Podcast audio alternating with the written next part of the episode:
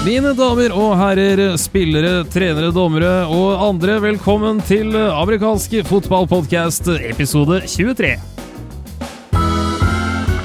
Det er det vi kan kalle lavsesong i Norge, det er lavsesong i Skandinavia, og vi benytter anledningen å invitere svenske topptreneren Leo Billgren på besøk. Sammen eh, skal vi diskutere forskjellige temaer. Vi skal snakke litt med Leo om hans nye quarterback-camp som han organiserer. Vi skal snakke om den internasjonale situasjonen politisk, og hvordan det nå begynner å påvirke klubber direkte. Vi skal snakke om hvorvidt det er innafor eller utafor som klubb å rekruttere hverandres spillere, og vi skal snakke litt om hvorvidt amerikansk fotball i Norge og i Skandinavia er å regne som en hobby. Så følg med. Legg gjerne igjen en eh, liten like på iTunes eller SoundCloud eller hvor det er du hører på dette her, og gi oss en tilbakemelding på fotball.com.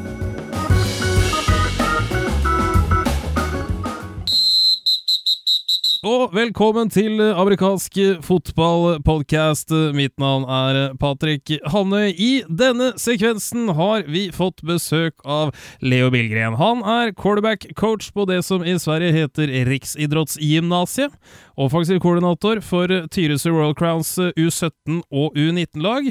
Han er quarterback-coach på det svenske underlandslaget, men hovedanledningen til at du kommer hit i dag, det er det nye akademiet som du har satt i gang, som du har døpt Top Gun Academy Sweden. Leo Billgren, välkommen! Tack så jättemycket. Det var en, en, en lång och härlig eh, presentation. Man märker att man gör ganska många olika saker när du räknar upp det sådär. Men det är kul. Det syns det var fint selv, men man tenker jo ikke så ofte når man er midt, midt oppi det, så det er jo helt ok å få det oppsummert sånn med, med jevne mellomrom.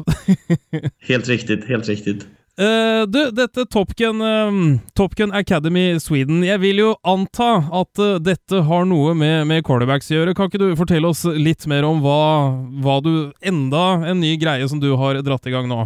Ja, man ska väl vara tydlig med att säga att det är inte ett privat, även om det var min idé, så är det ett officiellt SAF-program faktiskt. Så mm. det, det, har sanktionering av vårt förbund.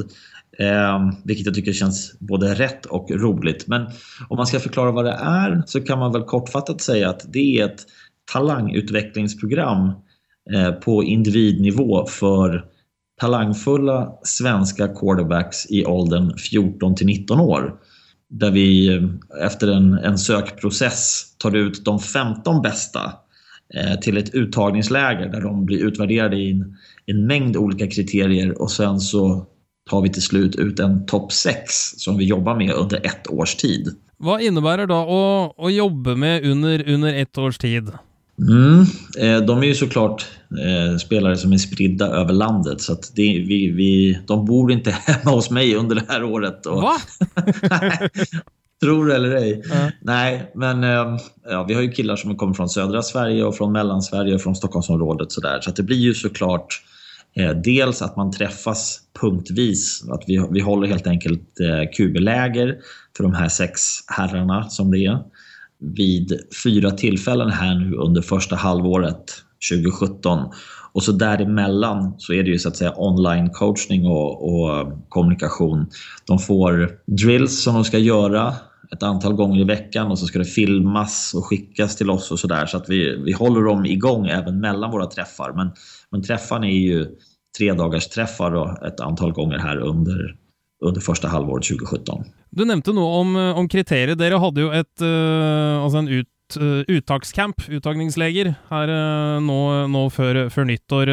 Hva, er det du, hva er det du ser etter når du skal velge ut disse seks quarterbackene som skal følge opp uh, gjennom ett år? Ja, alltså en sak som ju har varit jäkligt viktig för oss, det är ju just det här att processen när vi tar ut dem, dels ska vi hitta de som har störst potential, inte nödvändigtvis de som är, är bäst just nu så att säga. Utan man ska, vi ska titta efter potential eh, och sen så ska vi då eh, liksom verkligen utvärdera, inte på vad vi har hört eller vad någon har tyckt tidigare eller någonting sånt där.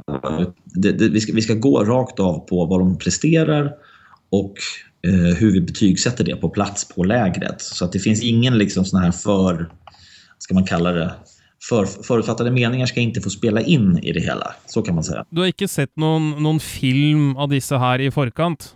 Jo, det har jag gjort. Men absolut, för att vi började ju med vad heter det, vi började väl med någonstans 31-32 QBs som vi hade på en lista som vi tyckte så här, de här är intressanta.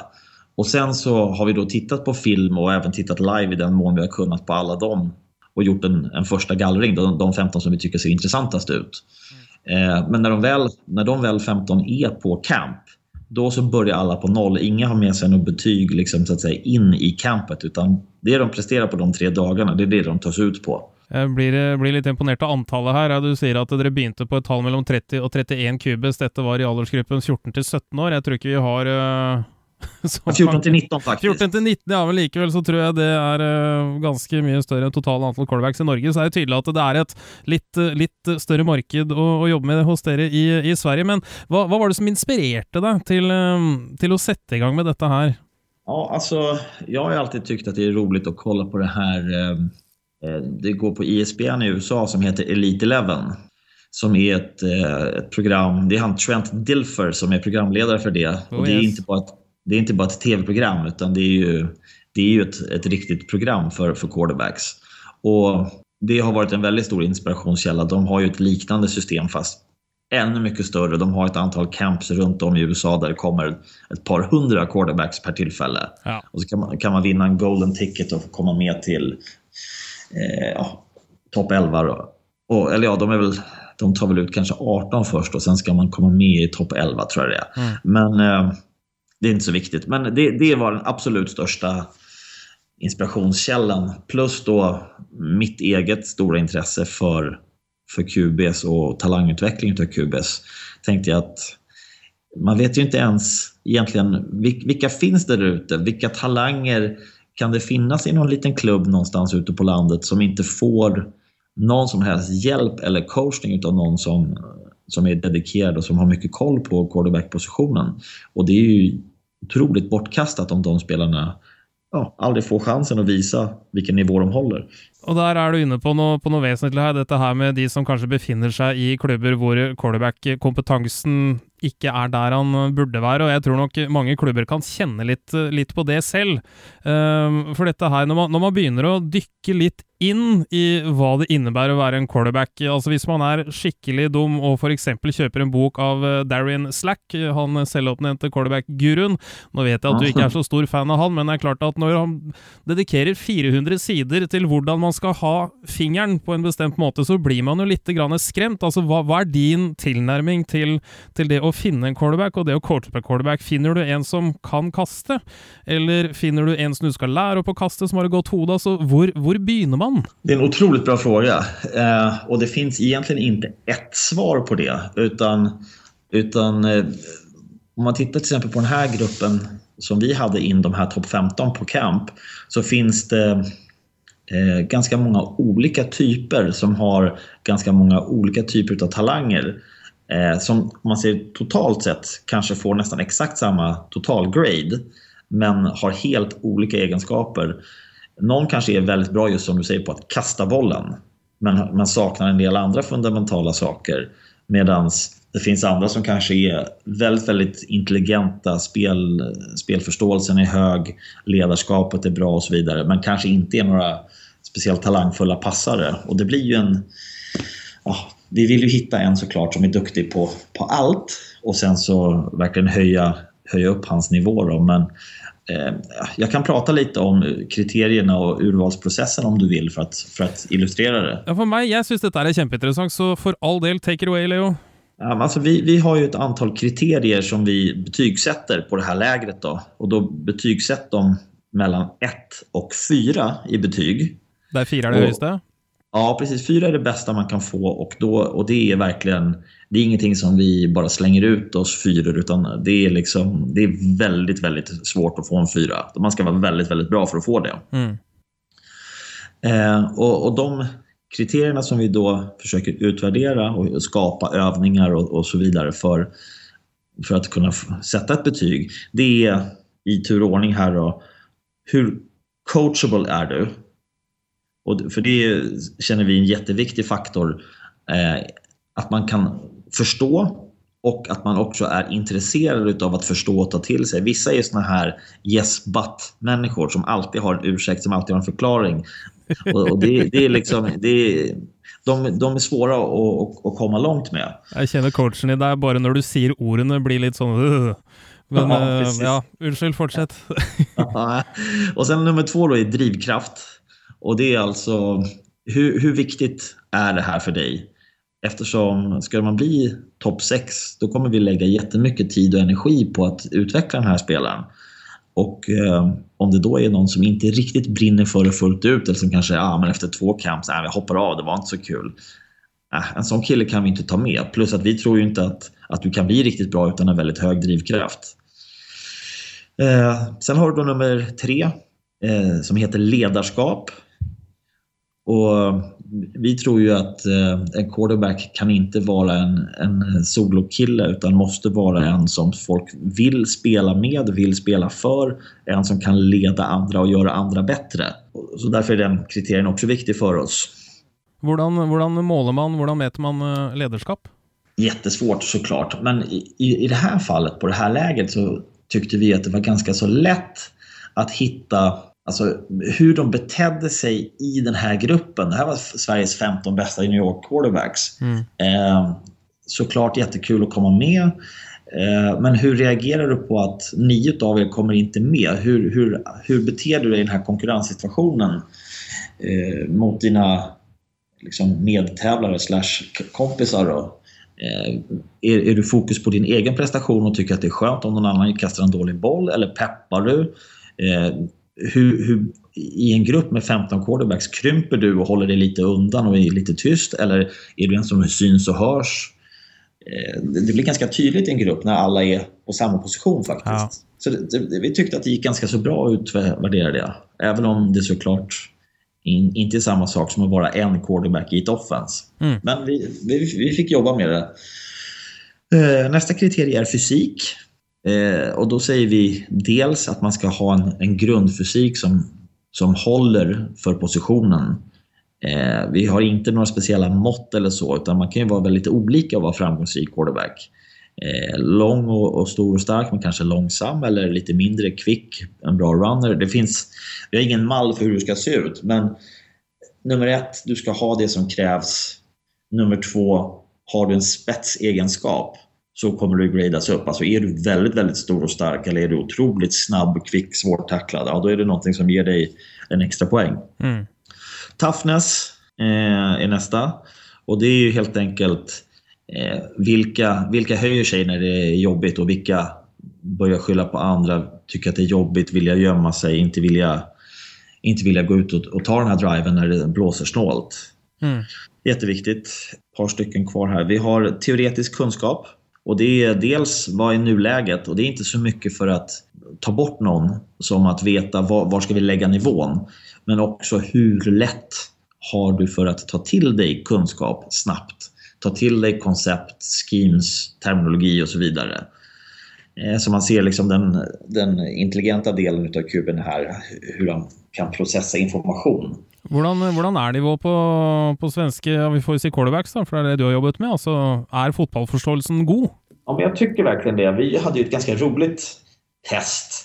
Ja, på först, allra första mötet vi hade här på, det var fredagen då, eh, när det här gänget kom in och alla satt och var lite smånervösa i, i den här salen innan vi skulle ha första träningen. Så sa jag så här, jag kommer rita upp ett spel här nu med, med ganska mycket detaljer. Jag vill att ni noterar så mycket som möjligt och skriver ner det för framtiden.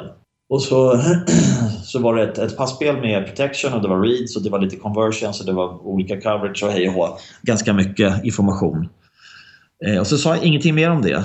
Och sen så väckte vi dem klockan tre på natten. ja, och så fick de varsitt papper i handen där det stod eh, återge spelet som visades på mötet i eftermiddags.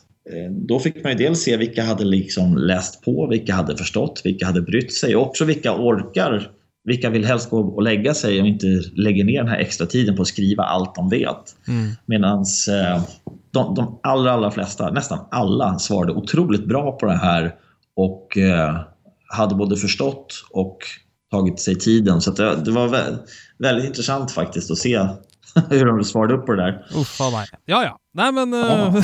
det är också en måte å teste det på, kan jag tänka mig. Ja, men det ska ju, vi vill ju att de ska vara liksom på tå hela tiden och, mm. och, och, vara beredda på att vad som helst kan hända. Två saker kvar. Den näst sista är competitor, alltså tävlingsmänniska, vinnarskalle. Ja. Jätte, jätteviktigt såklart. Vi hade ganska många tävlingsmoment på det här läget för att se inte kanske bara så mycket vilka som vann de olika sakerna, det kan ju vara lite slump och så, men framförallt hur de reagerade och betedde sig när det blev ett tävlingsmoment. Eh, vilket var väldigt intressant. Och sen den sista som faktiskt också ger dubbelt betyg, alltså man kan få 2 till 8 i betyg, för vi vill ändå uppgradera den lite grann då. Det är ju arm talent, helt enkelt. Och där, där hade vi en, avslutade vi hela läget med en, med en combine session där de fick eh, 18 stycken skriptade passspel som de skulle genomföra och som vi satte betyg på varje boll då 1 till 4 som summerar ihop till en total grade. Ja, så armtalent så kan jag se för mig att dere måler alltså armstyrke och precision då, kort uppsummerat? Ja, alltså precis allting.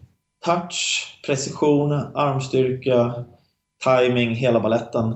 Mm. Totala intrycket som passade liksom. Det är eh, många kriterier detta här, Leo. Hvis uh, mm. du skulle rangert en av dessa kriterierna på topp, då? Uh, vad skulle det varit? Den är inte lätt. Men eh, jag skulle väl ändå någonstans... Jag skulle nog ändå sätta drivkraft som nummer ett. Eh, bara för att utan den så kan du inte bli bra. Och har du drivkraften, då kan nästan alla bli okej. Okay jeg, stilte deg det spørsmålet egentlig av eh, en eneste årsak, for akkurat det spørsmålet har jeg også stilt til eh, Scott Bohr, som er hovedtreneren til eh, Vålerenga Tross, og også han som har coachet opp Atle Haaland. Uh, og han sa det du sier nå, viljen å legge ned innsats är avgörande ja. för hur god man blir. Ja, totalt. Verkligen. Helt riktigt. Jag, jag instämmer. Jag har ju coachat otroligt många quarterbacks genom åren med olika resultat och så vidare såklart beroende på vad de har för talang och sådär. Men just drivkraften är eh, den absolut största. Jag skulle säga att den, den coachinsats som har gjort mig absolut mest glad och stolt, det är absolut inte den bästa spelaren jag coachat utan det var en, en spelare som jag fick ta över eh, när jag började coacha eh, U17 och U19 i Tyresö som kom upp till U17 och som var enligt ja, enligt hans tidigare coacher och lagkamrater som var urusel och var liksom bortkastad tid. Och den killen, han la verkligen ner jobbet stenhårt och blev så pass bra så att han som sista års U19 faktiskt blev inbjuden till juniorlandslaget. För mig var det, ja, det var, det var större än nästan allt faktiskt. Men det, det jag liker mest med detta här och vi ska runda akkurat den sekvensen här nu hvert ögonblick är att eh, hvis det är någon unga spelare där ute som eh, har lust og er villig til å legge ned tiden til å satse på å bli en quarterback uh, for, ett, for ett lag, så är det egentligen bara att sätta igång? Ja, alltså har du intresset, drivet och är beredd att lägga ner jobbet, då är möjligheterna väldigt, väldigt stora att bli en, en effektiv spelare på europeisk nivå. Och med det så säger vi tack för denna gång.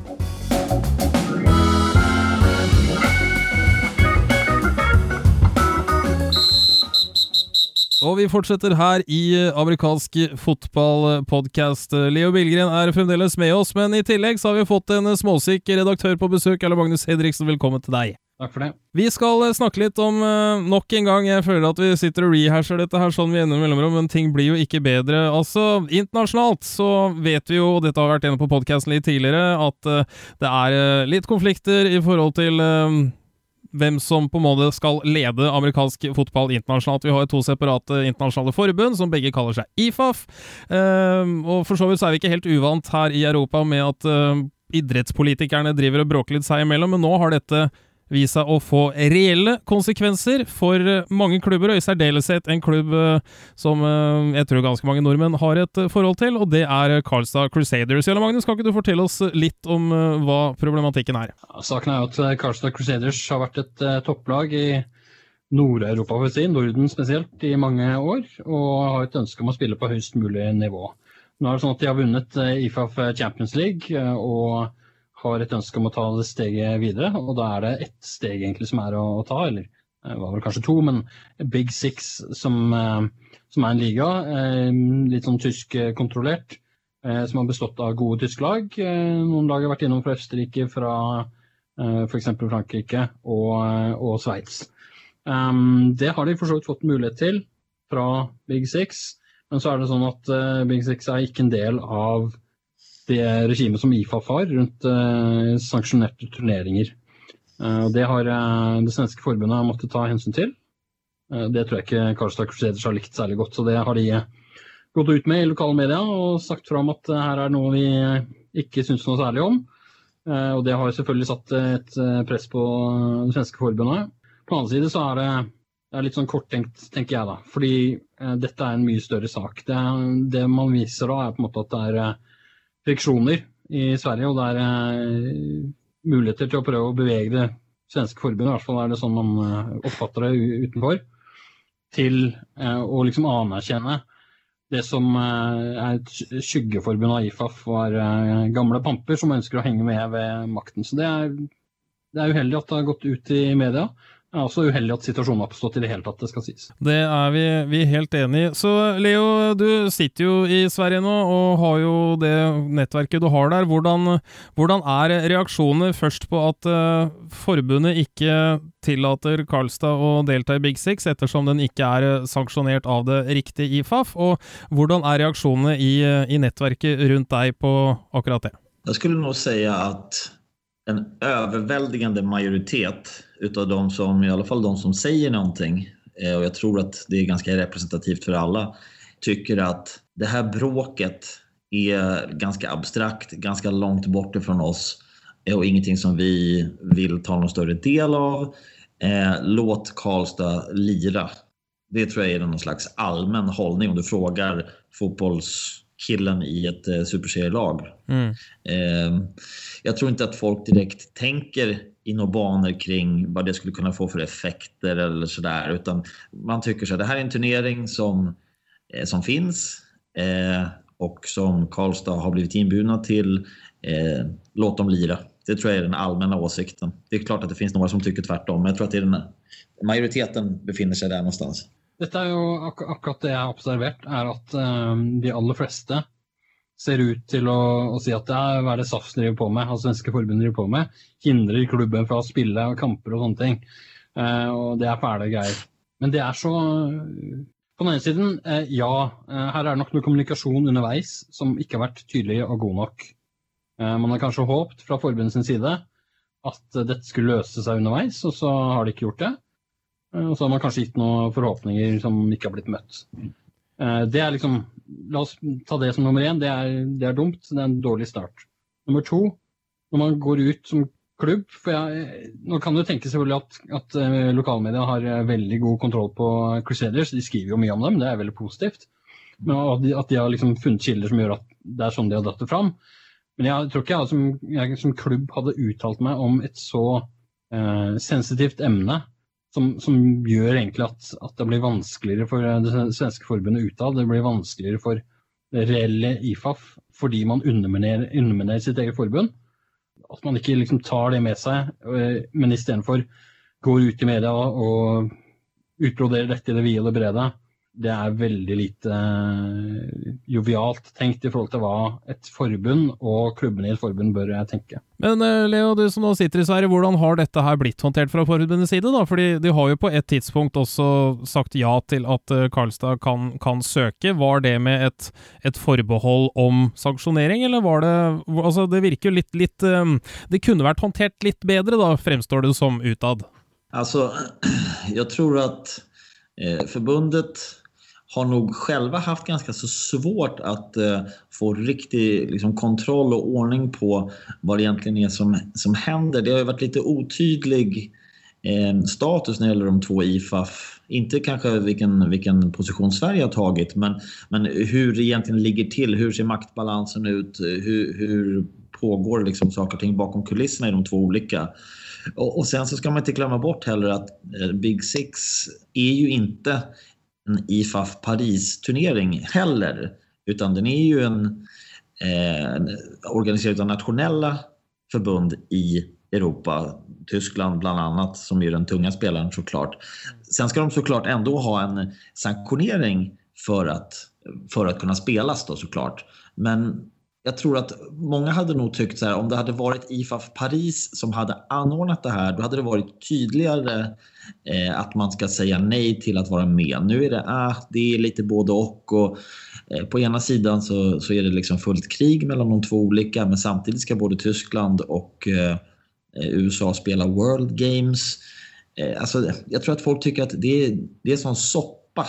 Ja. Så, så att ja. Eh, det går liksom inte riktigt att hitta ett rätt eller fel utan låt, låt udda vara jämnt och låt dem spela. Sen det som Jarle Magnus säger om att gå ut i, i tidningen, det tror jag är taktik från Karlstads sida, alltså Karlstad Crusaders sida, att sätta press på förbundet. För att jag tror att, eller min känsla är att Karlstad upplever att, att eh, det inte händer så mycket Eh, de inte får så mycket svar från SAF. Och det här är ett sätt att, att sätta press på dem att, eh, att ta ett beslut, att, eh, att liksom agera i frågan. Och så kan man ju fråga sig själv, vad i alla dagar har detta här att göra på en eh, norsk podcast? Jo, det är för att Jarle Magnus har egentligen kommit upp med lösningen på denna supa här för länge sedan för den uppstod. Um, mm. Og det var det jeg tenkte vi kunne, kunne drømme oss litt, litt, bort nå. Altså Fra et norsk perspektiv, det begynner å bli en del år siden vi hadde et norsk klubblag i en uh, europeisk serie, og det finnes det jo i og for seg flere årsaker til. Men uh, hvis vi nå forutsetter at uh, den politiske situasjonen ikke kommer til å løse seg på ganske lenge, så kunne det jo kanskje åpna seg en mulighet for en nordisk liga, og det har jo du skrevet om tidligere, Magnus. Hva var det du foreslo der? Nei, det var en, eh, en, tanke om en nordisk liga, og, og egentlig eh, malte opp hele bildet fra A til Å i forhold til hvordan det kunne vært organisert, hvordan serieoppsettet kunne vært satt, og hvordan det kan, kunne ta hensyn til de forskjellige nasjonale finaler. Eh, og ja, hvordan man da kunne se på det som en sånn mulighet til å konkurrere på et høyere nivå for de beste lagene i de fire nordiske Det er jo flere land i Norden, jeg er klar over det. Men de fire nordiske landene som har en uh, viss tradisjon i amerikansk eh, fotball. Eh, uh, altså Norge, Sverige, Danmark og Finland. og der er det Jeg skrev vel i den artikkelen at, at, det kunne for så vidt vært en, en, turnering med tre av de lagene. Vi kunne greid oss fint med det, men, men ett land som jeg tror man ikke greier seg uten, det er Sverige. Fordi de er på en måte midt i Midt i suppa der også. det er midt i suppa, både geografisk og holdt jeg på å si sportslig. Men eh, fra et norsk perspektiv så er jo dette her interessant. Det jeg derimot er litt, uh, litt nysgjerrig på, er hvordan tror du, Leo, at uh, et svenskt uh, klubblag ville se for seg å spille en turnering som også involverte norske lag som, det kan vi være ærlige på, kanskje ikke har det beste ryktet sportslig sett? Um, og vær ærlig tror... nå. Ja, Nej, men jag, jag, tror så här, jag tror inte att det skulle spela någon roll för om man vill vara med eller inte, huruvida Norge är med eller inte. Utan jag tror så här att eh, om den ligan skulle vara verkligen en, ett steg uppåt från superserien så tror jag att ett lag som till exempel Karlstad, för de, de har ju haft det väldigt lätt i superserien de sista åren egentligen. Eh, och, och, söker ju såklart nya utmaningar. Big Six var en sån. En nordisk liga skulle inte vara lika stor utmaning. Men eh, allting som, som bryter den här lunken att spela mot samma lag varje år och i princip alltid vinna.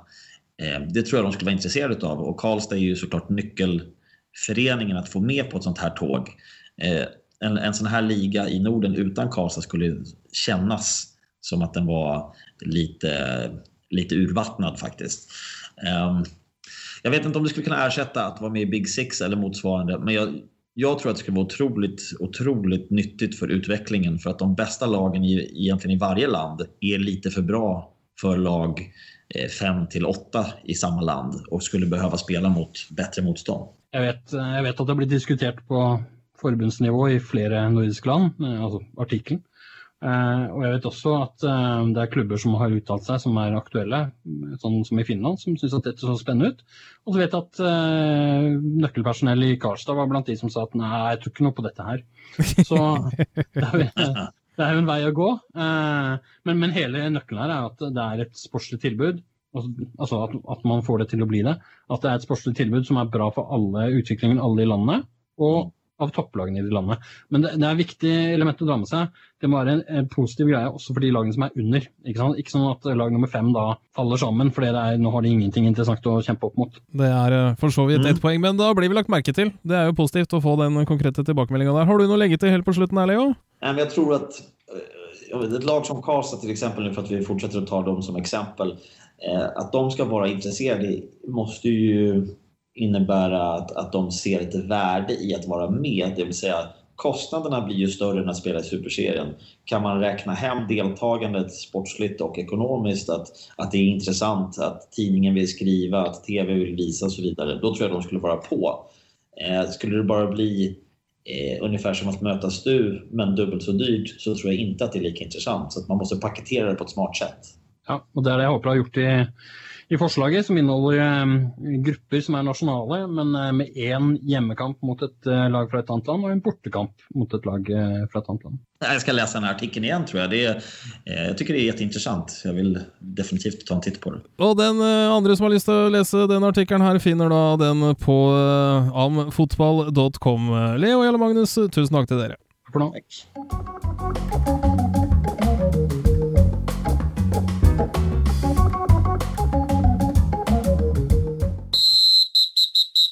Og vi fortsetter her i amerikansk fotballpodkast. Fremdeles med oss Jarle Magnus Henriksen og den svenske topptreneren Leo Billgren. Vi skal snakke om eh, et eh, tema som eh, kan nesten være litt tabu å nesten bare snakke om i, i vårt land, mens i Sverige så er ting totalt annerledes. Og da snakker jeg konkret om rekruttering av spillere. Jarle Magnus, hvordan ser norske klubber på rekruttering av hverandres spillere? Det er fy-fy. Eh, og her snakker vi om at man aktivt prøver å få spillere til å gå over fra en annen klubb til sin egen. Eh, tanken bak, da, i hvert fall sånn som jeg har oppfattet det, og jeg har vært med noen få år, eh, det er at, at norske klubber er det få av. De spillerne som faktisk er gode nok til at man ønsker å rekruttere dem, de er gjerne kjernen både på banen, men også av banen ofte hos eh, de klubbene man rekrutterer fra. Det er som regel sånn at man rekrutterer fra de mindre klubbene til de større.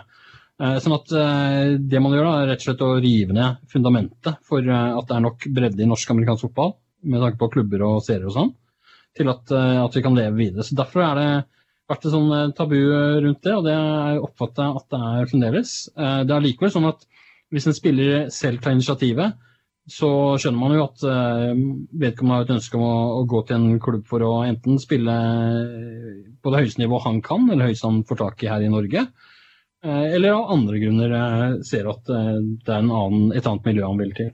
Men i Sverige så er jo dette her helt motsatt. Leo, hvordan funker rekrytering av hverandres spillere der? Ja, Man kanske inte ska måla upp det som att alla tycker att det är underbart att få sina spelare rekryterade, men, men det är alla inser att det är en del utav, utav spelet, en del av processen med att, med att driva en klubb. Att erbjuder man inte en miljö som är tillräckligt intressant eller bra eller utmanande eller, eller tillräckligt sportsligt vass så, så är det stor risk att, att folk börjar dra i en spelare.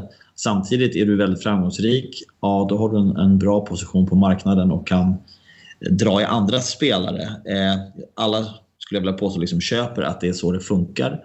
Och, och, det är väldigt... Eh, alltså den första... Nu, de har bytt datum nu. Första oktober varje år är den första dagen som man enligt tävlingsbestämmelserna får kontakta spelare från andra lag inför nästa säsong.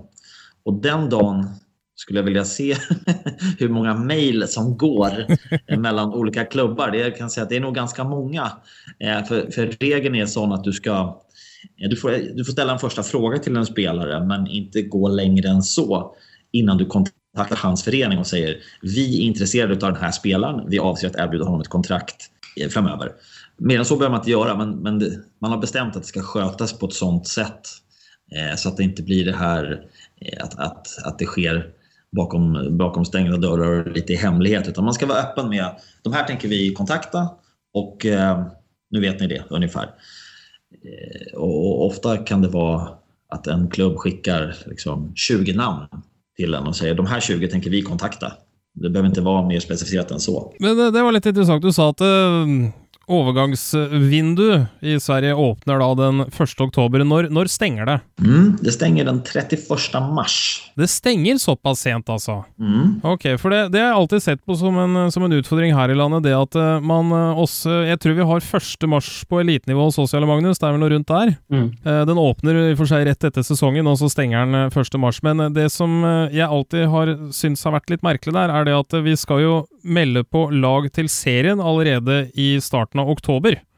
Og da har man jo i og for seg risikoen at man kan melde på et lag med det man tror er mange bra spillere, og så skjer det et eller annet. Det kan være alt mulig, det kan være styre som ikke funker, det kan være at akkurat din kompis slutter, eller hva det er for noe, og så plutselig har du ikke et lag å melde på. Um, har, det, har, det, vært noe problem uh, i Sverige? Det har absolut varit sådana saker i Sverige också. Man ska ju veta det dock, att det finns ju, jag vet inte faktiskt hur det fungerar i Norge, ska jag väl säga, men i Sverige funkar det ju så att om en spelare är licensierad för till exempel, vi tar Tyresö, mitt, min klubb som exempel, under 2016, då kan inte han byta förening bara på eget huvud till 2017, utan det, den förening han har spelat för har förhandlingsrätten för honom. Så att Tyresö måste skriva på en övergång för en spelare som vill lämna till 2017. Eh, och, och, och, om klubben säger nej, då är det stopp. Då blir den spelaren stoppad. Antingen kan han välja att spela kvar eller så kan han sitta ute ett år. Men i praktiken så har en förening jättestor makt att stoppa en spelare. Här, här så har man också möjligheten till eh, det, men det ska ligga eh, ekonomiska förhållanden bak som gör att alltså, man kan bevisa att vedkommende skylder klubben pengar. Ah. Da har man muligheten til det. Sånn at hvis, hvis det ikke ligger noe annet bak enn at han har blitt rekruttert seint eller ønsker å melde overgang seint, så har man ingenting som, å stille opp med som klubb. Nej, nej, men då är det lite annorlunda. Här förekommer det ju eh, övergångssummor faktiskt i, i vissa fall. Mm. Att en klubb säger nej, men vi vill inte släppa den här spelaren, han är viktig för oss. Och den andra klubben säger vi, vi, vi vill verkligen ha honom och spelaren har bestämt sig för att han vill byta då, då kan det handla om en, en övergångssumma för att gamla klubben ska skriva på. Det förekommer. Gäller detta på alla nivåer i Sverige eller är det vad ska jag säga, vuxna spelare det gäller? Man får faktiskt inte ens ta övergångssumma för juniorspelare. Utan det gäller bara seniorspelare som det är tillåtet att ta övergångsavgift. Och jag skulle vilja säga att Eh, det förekommer egentligen bara i superserien. Men är det inte risken då när man har ett sånt um, system, då, för att bruka det begreppet, att man, eh, man står uh, fritt til å på en måte jage hverandre spillere. At når en klubb først er blitt god, altså til eksempel hvordan Karlstad har vært nå de siste årene, at de mhm. gode klubbene tiltrekker seg de beste spillerne og ender opp med å bli enda bedre, sånn at du får et veldig godt lag, og så har du alle andre. Er det sånn det, det er i Sverige? Er det et resultat, eller det, har det ikke vært så gærent? Ja, det finns definitivt en sån risk och jag ska säga direkt att jag tycker inte att det systemet vi har är speciellt bra när det gäller hur övergångar fungerar. För att i det här läget så har ju klubban egentligen all makt. Om de vill, om de av någon anledning vill jävlas kan de ju bara säga stopp. Det spelar ingen roll om din klubb vill ge, eller nya klubben vill ge oss 100 000. Vi tänker stoppa dig. För att straffa dig för att du vill lämna så att säga. Då, då kan spelaren inte göra någonting åt det. Det blir ett ettårsfall. Omvänt skulle det inte heller vara bra att, att, att klubben inte kan stoppa det skulle ju vara väldigt, väldigt negativt för då skulle det bli precis det du säger, att spelarna bara hela tiden skulle flyta runt där det för tillfället är mest attraktivt att spela. Det finns ingen, ingen tröskel. Jag har ju försökt lägga in ett förslag att vi ska ha ett, ett utbildningsbidrag så att klubbar som tar fram spelare, egna produkter som kommer upp i juniorleden och blir framgångsrika, om man vill plocka en sån spelare så ska det kosta så att man återinvesterar i de klubbar som producerar bra spelare. Det har inte gått igenom hittills. Då. Men eh, för att svara konkret på din fråga så eh, geografiska avstånd och det faktum att sporten inte har så mycket pengar än har varit en liten stoppfaktor för det där. Även om du är en jätteduktig spelare, Karlstad vill ha dig, eh, du vill gå dit, men du kommer ifrån Ystad säger vi. Mm. Så är det ju inte så att Karlstad säger man kom hit, här du får vår lägenhet här och här är din månadslön. Det funkar ju inte så. Utan det är fortfarande praktiska problem att få sitt liv att fungera. Alltså arbete, familj, allting sånt. Det går liksom inte bara att flytta för de allra flesta för att ett lag drar i dem.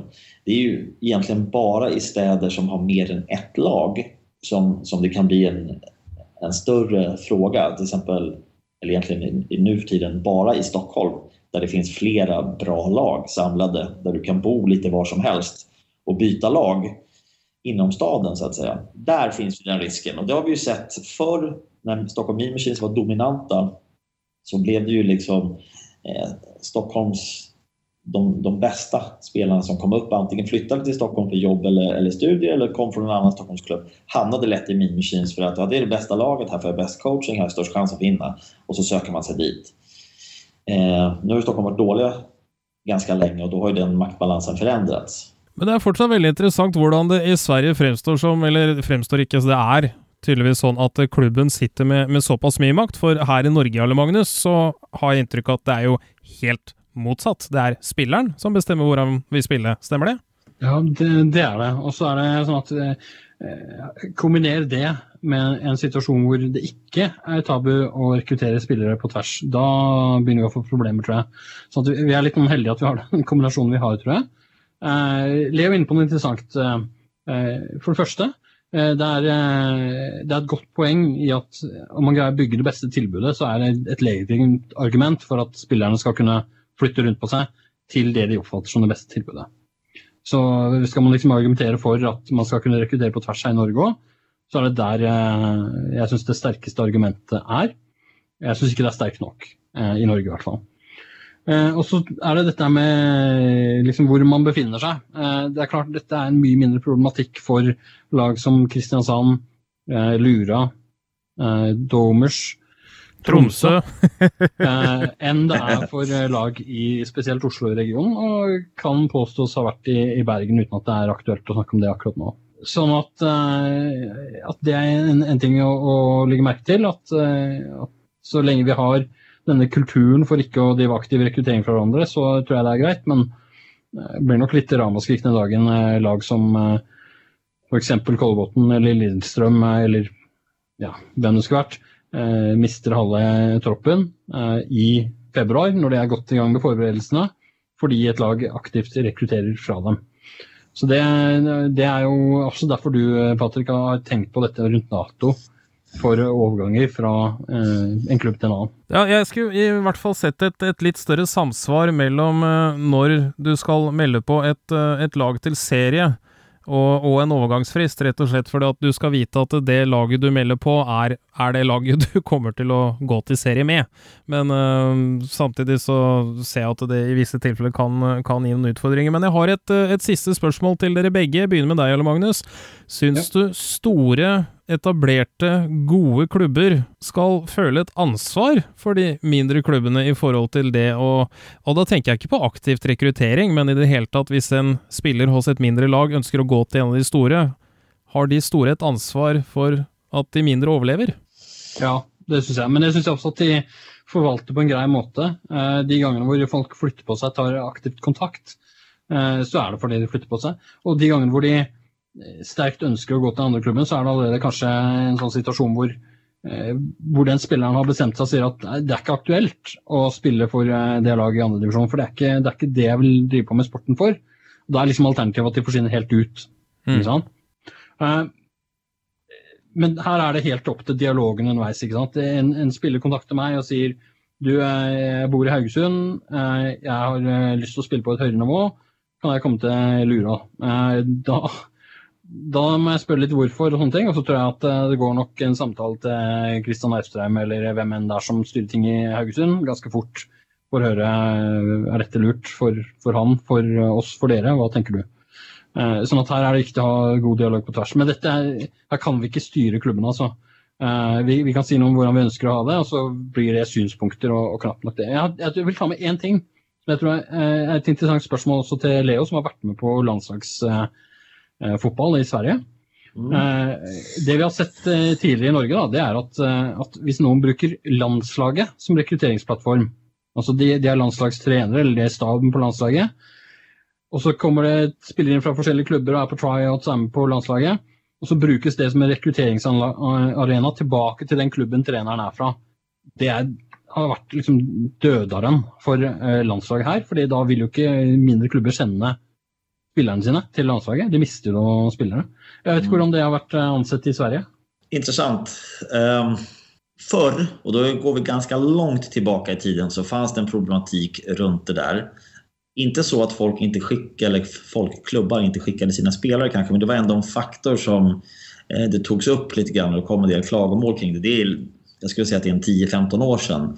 Sen, sen lång tid, egentligen alla år som jag har varit involverad i, i landslaget och det var 2005 var mitt första år så har det alltid varit så att det finns ett kontrakt man skriver med förbundet att det är totalt förbjudet att, eh, att bedriva någon form av direkt eller indirekt direkt rekrytering i sin roll som landslagstränare och bryter man mot det så, är, så åker man ut eh, på sekunden och, och är inte välkommen tillbaka. Då är man svartlistad som landslagstränare för ja, i princip all framtid.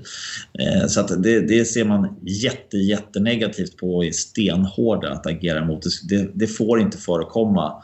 Och är det någon som, eh, som bryter mot det så, så kommer det upp till ytan jäkligt snabbt. Vi hade en amerikan som var med och coachade eh, i ett av våra landslag för en 5-6 år sedan som inte hade full koll på det där och han var också klubbtränare och då fick han veta direkt att det där är totalt förbjudet, gör du igen så är du gone. Och, och sen har inte det hänt något mer. Så det, det, tycker jag har skötts väldigt, väldigt bra. Mm. Då ska vi se. Patrick? Jag är inte helt färdig. Ja. ja, kom igen då. Ska jag avsluta med en hemlighet? Eh, det foregår jo fra tid til annen eh, litt eh, rekruttering på tvers her også. Og spørsmålet er jo når er det greit, og når er det ikke greit. Når vi gikk opp i Eliteserien, da var jeg hovedtrener for Vi er Lura Bulls. Nei, ja, AFC Show. Ja. Um, så, eh, så, gikk jeg inn på Europlayers og så også et norske spillere som sa at ja, de var tilgjengelige for å skifte klubb. Uh, når de har sagt ja til det på en sånn plattform som er en rekrutteringsplattform, da tenkte jeg at det var grei skuring. Mm. Så det, det, er jo et interessant spørsmål, kanskje noe som folk kan kommentere på. Om, om man er enig eller ikke enig. Altså, er det da greit å ta kontakt? Får jag också lägga till en grej? Ja. Eh, för, för det var det första som, som du, som, första delen av sista frågan, om man har ett ansvar som större förening. Mm. Och jag, jag, tror att diskussionen är nog i så fall lite annorlunda i Sverige. Kanske ändå intressant att nämna att här ser man väldigt mycket eh, till, till eh, spelarens möjlighet att utvecklas. Att eh, det är viktigt att de bästa spelarna byter klubb till en toppklubb. Alltså om du frågar en, en mindre förening som spelar i division 1 som får fram en superspelare så är, är min uppfattning att de nästan alltid säger så här, du, du borde byta klubb. Du ska spela i superserien, du, du har potential att bli landslagsman och så vidare. Du ska inte vara kvar här. Det kanske är en skillnad, jag vet inte. Ja, men det är en intressant eh, poäng att eh, man då tänker utveckling av de enkelte spelarna eh, gör, och då tänker man typiskt också landslag, kanske, Mm. Det vil gjøre landslaget sterkere. og kan jo ikke si at vi i Norge har funnet fasiten på det, da. Det, det har vi ikke, men jeg syns fortsatt det er en uh, interessant diskusjon som uh, sannsynligvis ikke er uh, avsluttet med dette. Men vi håper at vi i det minste klarte å belyse litt flere perspektiver av både hvordan vi gjør det her i landet, men også de gjør det i det store utland, nemlig Sverige. Tusen takk til dere begge.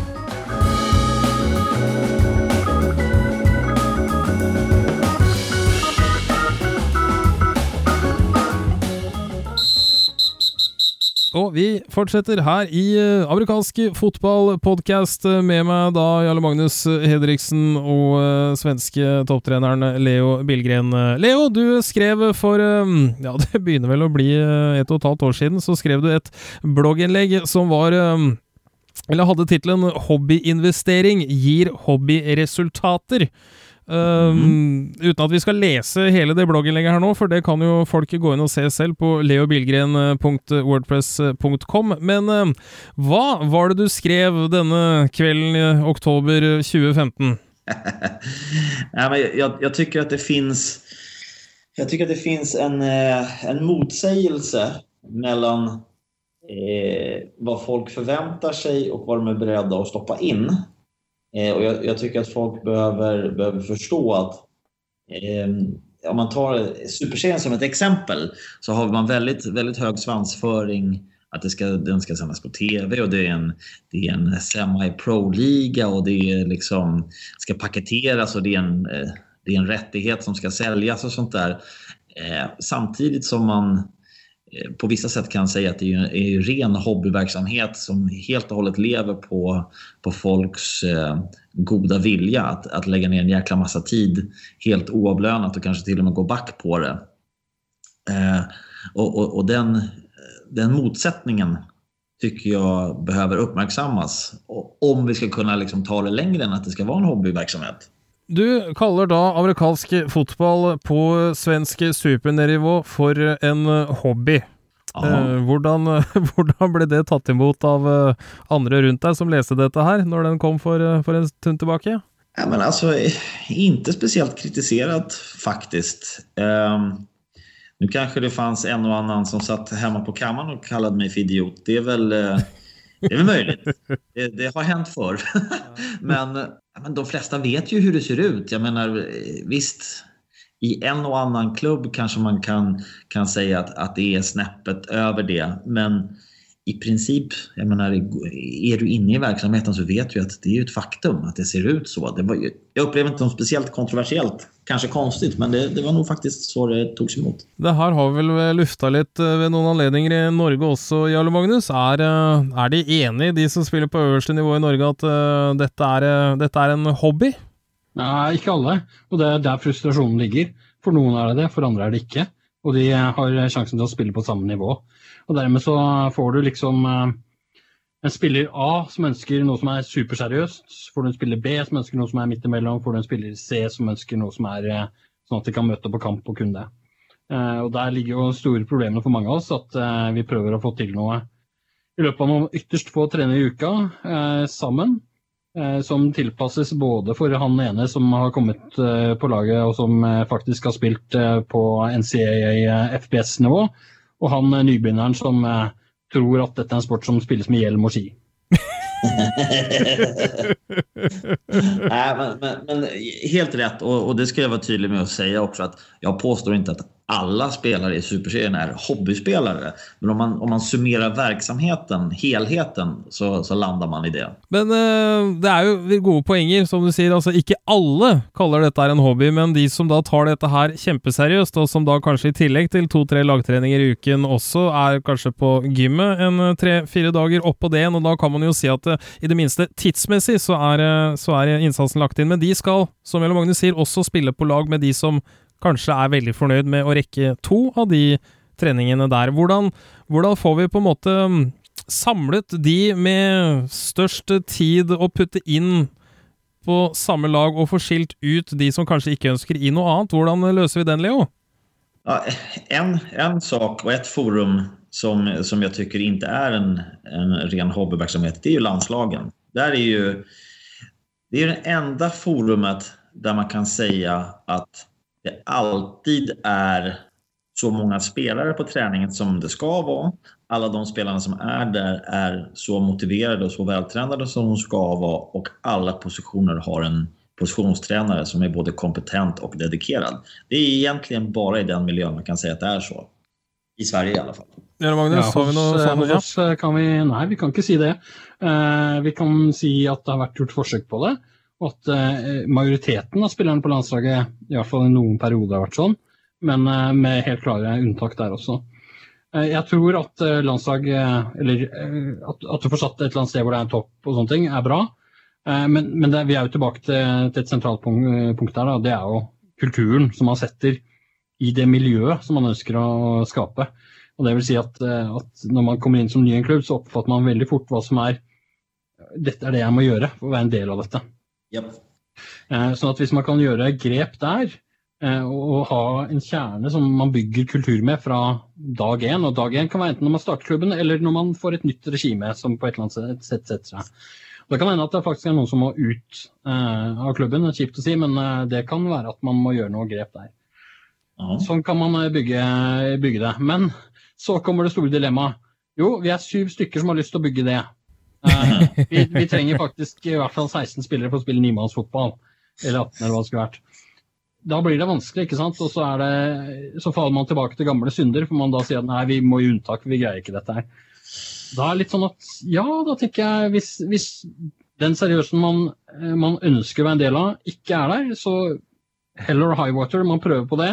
lykkes det ikke, så vet du hva, da har jeg faktisk haugvis andre ting jeg har lyst til å gjøre, jeg. Men løsninga di, da, Leo, eller i hvert fall en av de løsningene som du presenterte i den, den bloggposten din, det var um, lønne trenere. Ja. Er det the end all be all for å få um, dette her fra hobby till uh, lite mindre hobby? Ja, det, vet, det vet jag väl inte, men jag tycker nog att det är en, en stor del. Därför att är du hela tiden beroende av folks bara goda vilja. Det är väldigt svårt att, att liksom vara tacksam för någon och samtidigt ställa krav på honom. Gud vad kul att du vill ställa upp och göra det här gratis och vara borta från din familj tre dagar i veckan för att coacha med ungdomarna. Men här är de kraven vi ställer på dig. Alltså det blir svårt. Det blir en, en svår balansgång. Eh, tränaren får väldigt stor makt på, på ett sätt att eh, ja, men om, inte, om inte ni vill ha mig här så kan jag ju skita i det. Eh, och, och, då blir det att man, att man backar undan lite. Har du en, en tydlig kravbild och här har vi en ersättning. Då tycker jag att maktbalansen tränare-klubb blir på något sätt där den ska vara. Och allting som jag har sett och hört från spelare och så vidare är ju ganska tydligt att, att ha dedikerade och kompetenta tränare. Det är den absolut viktigaste Eh, faktorn för att själv vilja lägga ner tid. Om man känner att kommer jag på träningen så ger det mig egentligen ingenting. Jag lär mig ingenting nytt utan jag är bara där för att det är ett måste för att jag ska få spela matchen.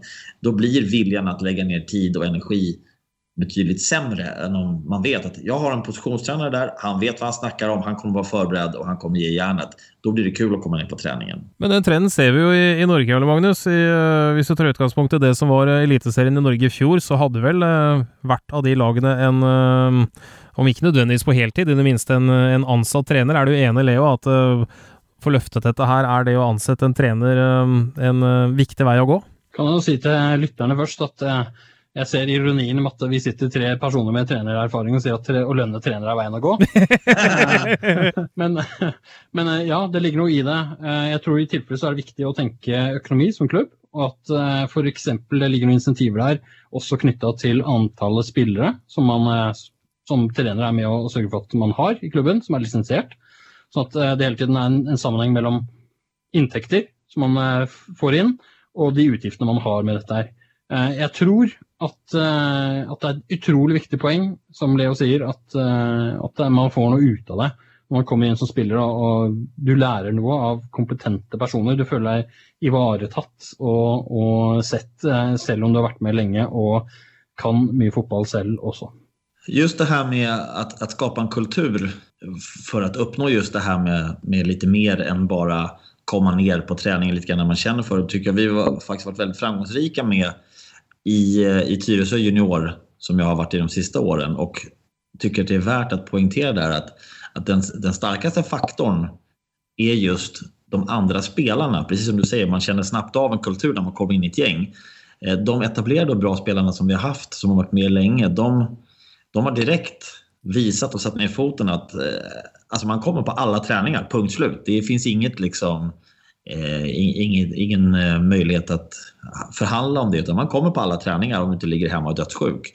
Och, och då, då har du direkt etablerat en kultur. Under säsongen 2016 här i vårt U19-lag till exempel så hade vi eh, 27 spelare tror jag vi var i U19-truppen och eh, alla låg över 90% närvaro under hela säsongen. Det är bra. Och då, och då, tränade vi, då tränade vi tre gånger i veckan inte två som vissa andra lag gör. Så att eh, man ska inte säga att det inte går. Och jag menar, här pratar vi verkligen om hobby. Jag menar, det är ungdomsspelare och så vidare och inga tränare eh, som, som lyfter några stora löner. Men eh, kulturen var sån och, och, folk kände att det här är viktigt. Då går det att etablera väldigt, väldigt bra eh, med ganska så lätta medel. Om spelartruppen är på att man har ett gäng. Det var ju ganska imponerande tallmessig och det är ju absolut till eh, inspiration för eh, for andre klubber. Uh, Jarle Magnus, sånn eh, helt avslutningsvis, har du noe, har du noe mer å, å tilføye til, eh, til, debatten? Ja, kan jo legge til at uh, selv det vi ser på som det mest seriøse, vil av og til treffe på den situasjonen hvor det kommer noen inn og enten har erfaring fra en annen idrett, eller f.eks. fra amerikansk fotball i et eller annet, annet land, som Tyskland eller som i USA. som allikevel eh, syns at det vi driver på med, som er de mest seriøse, hvis, hvis noen av oss er det, da, ikke er seriøse nok. Sånn at eh, det gjelder å finne balanse og bli enige om noe i klubben. For dette er det som vi vil ha som nivå. Dette er det vi må gjøre for å få det til. Og så vil man miste noen som syns det er for lite, og miste noen som syns det er for mye. Det må man bare tåle som en grei eh, sak. Man må, må ha den typen definisjoner tror jeg, på plass for å få satt eh, kulturen eh, riktig. Så det du sier er at det er ikke nødvendigvis en, eh, en, fasit å gå etter her, men man må rett og slett bare bli enig på et klubbnivå og så holde seg til den linja? Ja, det kan være forskjellig fra et andredivisjonslag, fra et førstedivisjonslag, fra et juniorlag, et eller annet slag, til et eliteserielag. Det er nok noen fellesnevnere, og vi ser nok hva som i hvert fall kreves i de forskjellige seriene. Eh, og så er det sånn at eh, skal man videre oppover, så ja, da må man faktisk eh, ta noen grep for å havne der. Avslutningsvis, Leo, skal jeg stille deg litt til veggs her som trener. Du har et hypotetisk lag med åtte kjempededikerte og 15 som ikke er like dedikerte, men kommer på 50% av treningene. Ville du meldt på det laget, eller ville du ventet et år? Oh. Jag, jag, jag, skulle, jag skulle anmält mig och och eh, varit så, eh, vad ska vi säga, arrogant att jag tror att jag kan få några av de här 15 att bli dedikerade nog att, eh, att kärntruppen blir större. Genom att de får matcherna som morot och för att vi gör träningen så jäkla kul så att de vill komma. Ja, Magnus, vad ville du gjort? Eh, ja, jeg ville nok gjort, gjort, det at jeg melder på laget. Eh, nå skal det sies at de tallene som Leo nevnte tidligere med 90% på hele gjengen, det har ikke vi vært i nærheten av, selv om vi har hatt gode tall til tider. Så at uh, eh, du er ikke så langt unna sannheten for hva vi liksom har hatt. Da. Uh, en annen ting er at uh, det er jo en fryktelig greie Jeg vil jo tippe at Leo vil jo kanskje tape noen av kampene med vilje. Sånn at han, han kan si til de spillerne som har 50 at dette er årsaken, dere møter ikke nok på treninger.